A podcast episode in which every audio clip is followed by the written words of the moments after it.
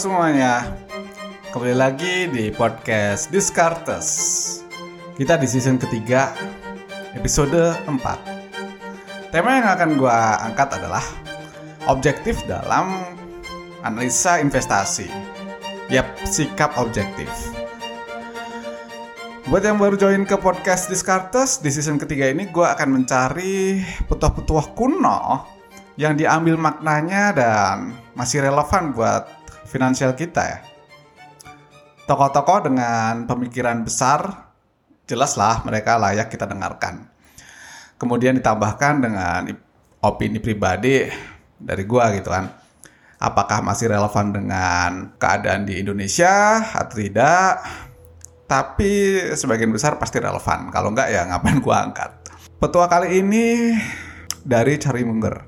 Siapa yang nggak kenal dengan Charlie? Beliau orang nomor dua di Berkshire Hathaway. Bisa jadi Warren Buffett tidak akan menjadi sekaya sekarang kalau tidak ada sosok Charlie.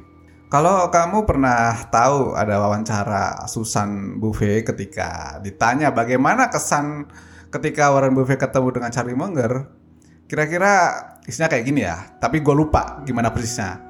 Pas ditanya bagaimana kesan Warren ketika bertemu Charlie untuk pertama kali, kata Susan, Buffet biasanya mendominasi pembicaraan ketika bertemu relasi bisnis atau teman. Tetapi ketika pertama kali bertemu Charlie, ternyata dia banyak mendengar.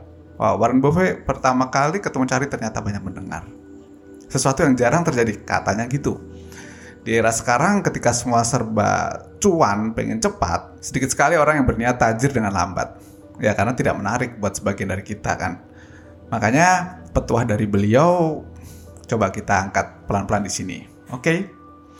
kita masuk ke pembahasan dari petuah beliau. Ada nggak yang pernah baca pemikiran dari Charlie yang tertuang dalam Poor Charlie Almanac? Ada belum? Di situ Charlie ngasih tahu ada 25 bias yang membuat manusia sering melakukan misjudgment membuat manusia terkadang-kadang salah menentukan langkah karena hal-hal yang tidak seharusnya terjadi ya namanya aja bias gitu. Well beliau ini kan usianya 97 tahun ketika podcast ini dibuat. Jadi pengalaman hidupnya jelas nggak bisa disepelekan. Udah nggak mungkin kita tidak melihatnya. Juga beliau juga merupakan salah satu bilioner kan gitu kan. Gue mau bahas tiga saja di episode kali ini biar nggak kelamaan masa 25 semuanya kan nggak pas juga. Yang pertama adalah bias iri hati atau kecemburuan. Dalam obrolan dengan Warren Buffett, keluar perkataan, bukan rakus yang menggerakkan dunia, tetapi sikap iri hati. Ayo, siapa di sini yang ngerasa gampang jealous, gampang iri hati? Dalam perjalanan hidup, sebetulnya iri hati dan rasa jealous memang ada terus ya. Dari kecil sampai gede. Misalnya pas dengan saudara deh, kecemburuan dalam hubungan darah gitu kan kata Charlie juga lebih kuat ketika pas kecil nih. Pas masih usia-usia bayi mungkin 4 tahun, 5 tahun, 10 tahun. Pasti rasa kecemburuannya lebih kuat ketika bayi dibandingkan pas sudah gede. Kalau pas bayi saudaranya dikasih permen, kita juga pengen gitu kan. Tetapi makin gede ternyata makin berkurang. Di dunia profesional juga kayak gitu. Misalnya orang yang sudah menjadi pekerja profesional ya kan di, entah di bidang keuangan, di bidang hukum, lawyer dan macam-macam. Ternyata rasa kecemburuannya lebih kuat dibandingkan saat masih kuliah. Ya, kuliah paling kecemburuannya ketika ada masalah nilai gitu kan. Tetapi makin ke sini makin berkembang dan makin kuat pas sudah bekerja di tempat masing-masing. Kemudian apa sih hubungannya dengan market gitu? Apa hubungannya dengan investasi? Apa hubungannya dengan pasar modal? Kalau gue ngelihat sekarang itu kan dengan adanya media sosial semua orang bisa mempertontonkan hasil ya lebih sering muncul hasilnya karena proses jarang ditampilkan kan gitu. Era ketika banyak orang pamer itu sebetulnya menimbulkan rasa iri atau kecemburuan yang kuat. Makanya sangat mungkin ketika kita tertutupi oleh rasa cemburu tadi, rasa iri tadi akan mengakibatkan kesalahan. Karena apa? Karena terburu-buru menentukan sikap atau ikut-ikutan misalnya eh dia bisa cuan 100% dari saham A, gue juga ambil saham A gitu. Padahal belum tentu dia menganalisis dan belum tentu dia tahu risikonya. Medsos itu memfasilitasi rasa cemburu. Lucu juga. Ya tapi bisa jadi kan. Jadi nggak hanya masalah cemburu soal percintaan, cemburu masalah harta itu juga luar biasa kuat gitu. Well, sebetulnya ini sangat berbeda jauh dengan apa yang disampaikan Charlie, tetapi ini gua ambil saja uh, sadurannya ya.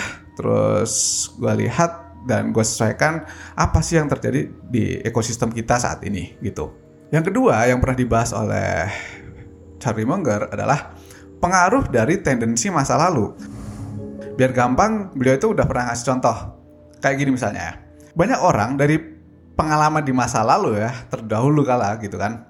Ternyata menemukan bahwa ketika beli barang, kemudian dengan harga yang mahal, itu kualitasnya bagus. Dari data ini, ternyata beberapa penjual mengubah nih ya pakaian yang dia jual yang digunakan untuk dagang itu kemudian dinaikkan harganya secara signifikan. Kenapa? Karena berharap nih pembeli akan mulai mencari barang-barang yang mahal karena harapannya dia dapat barang bagus dengan membeli barang yang mahal tadi. Padahal kenyataannya nggak selalu seperti itu. Banyak yang akhirnya merasa tertipu, udah beli mahal, berpikir legit, eh ternyata kualitasnya di bawah standar.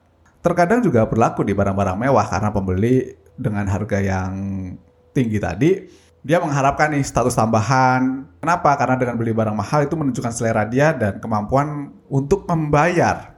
Belum tentu kualitas yang dibeli itu oke, okay, gitu kan. Apa hubungannya sekarang dengan investasi kita?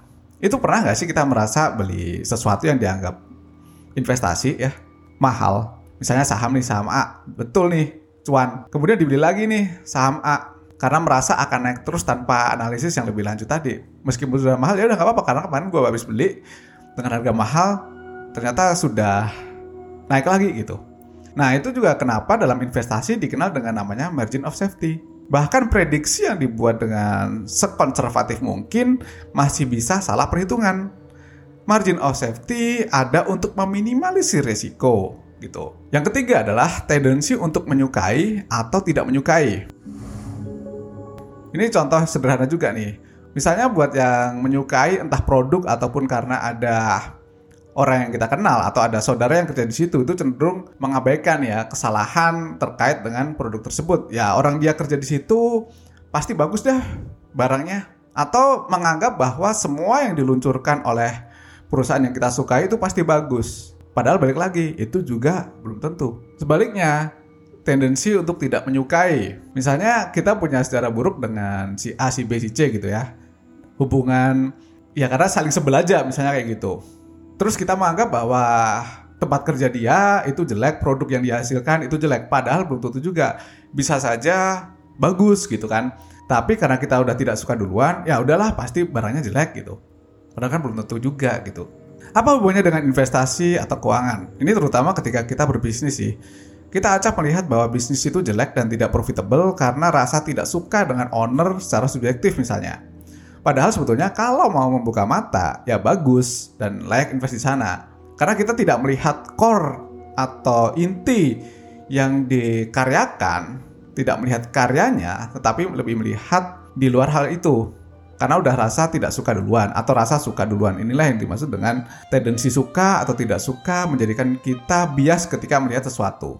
Apa kesimpulan dari yang kita bahas kali ini? Kesimpulannya sebenarnya sederhana juga, yaitu seobjektif mungkin ketika melakukan analisis. Bukan karena sikap ketidaksukaan atau bias masa lalu yang mengakibatkan kerancuan dalam investasi, karena berbahaya sekali ketika hal tersebut merusak analisis kita termasuk juga pas ada show off di media sosial itu sebetulnya kan noise saja karena menimbulkan rasa iri hati. So buat teman-teman semua, analisis itu kamu harus tahu apa yang dianalisis. Bukan karena faktor-faktor yang sebetulnya tidak perlu kita pusingkan gitu kan. Kalau nggak suka dengan orangnya, kita lihat karyanya. Apakah layak untuk dibeli? Apakah layak untuk diinvestasikan atau tidak? Oke? Okay? Itu saja dari gua. Mudah-mudahan teman-teman semua bisa mendapat cuan yang bagus dan sampai jumpa lagi di podcast Diskartes episode selanjutnya. Thank you and bye bye.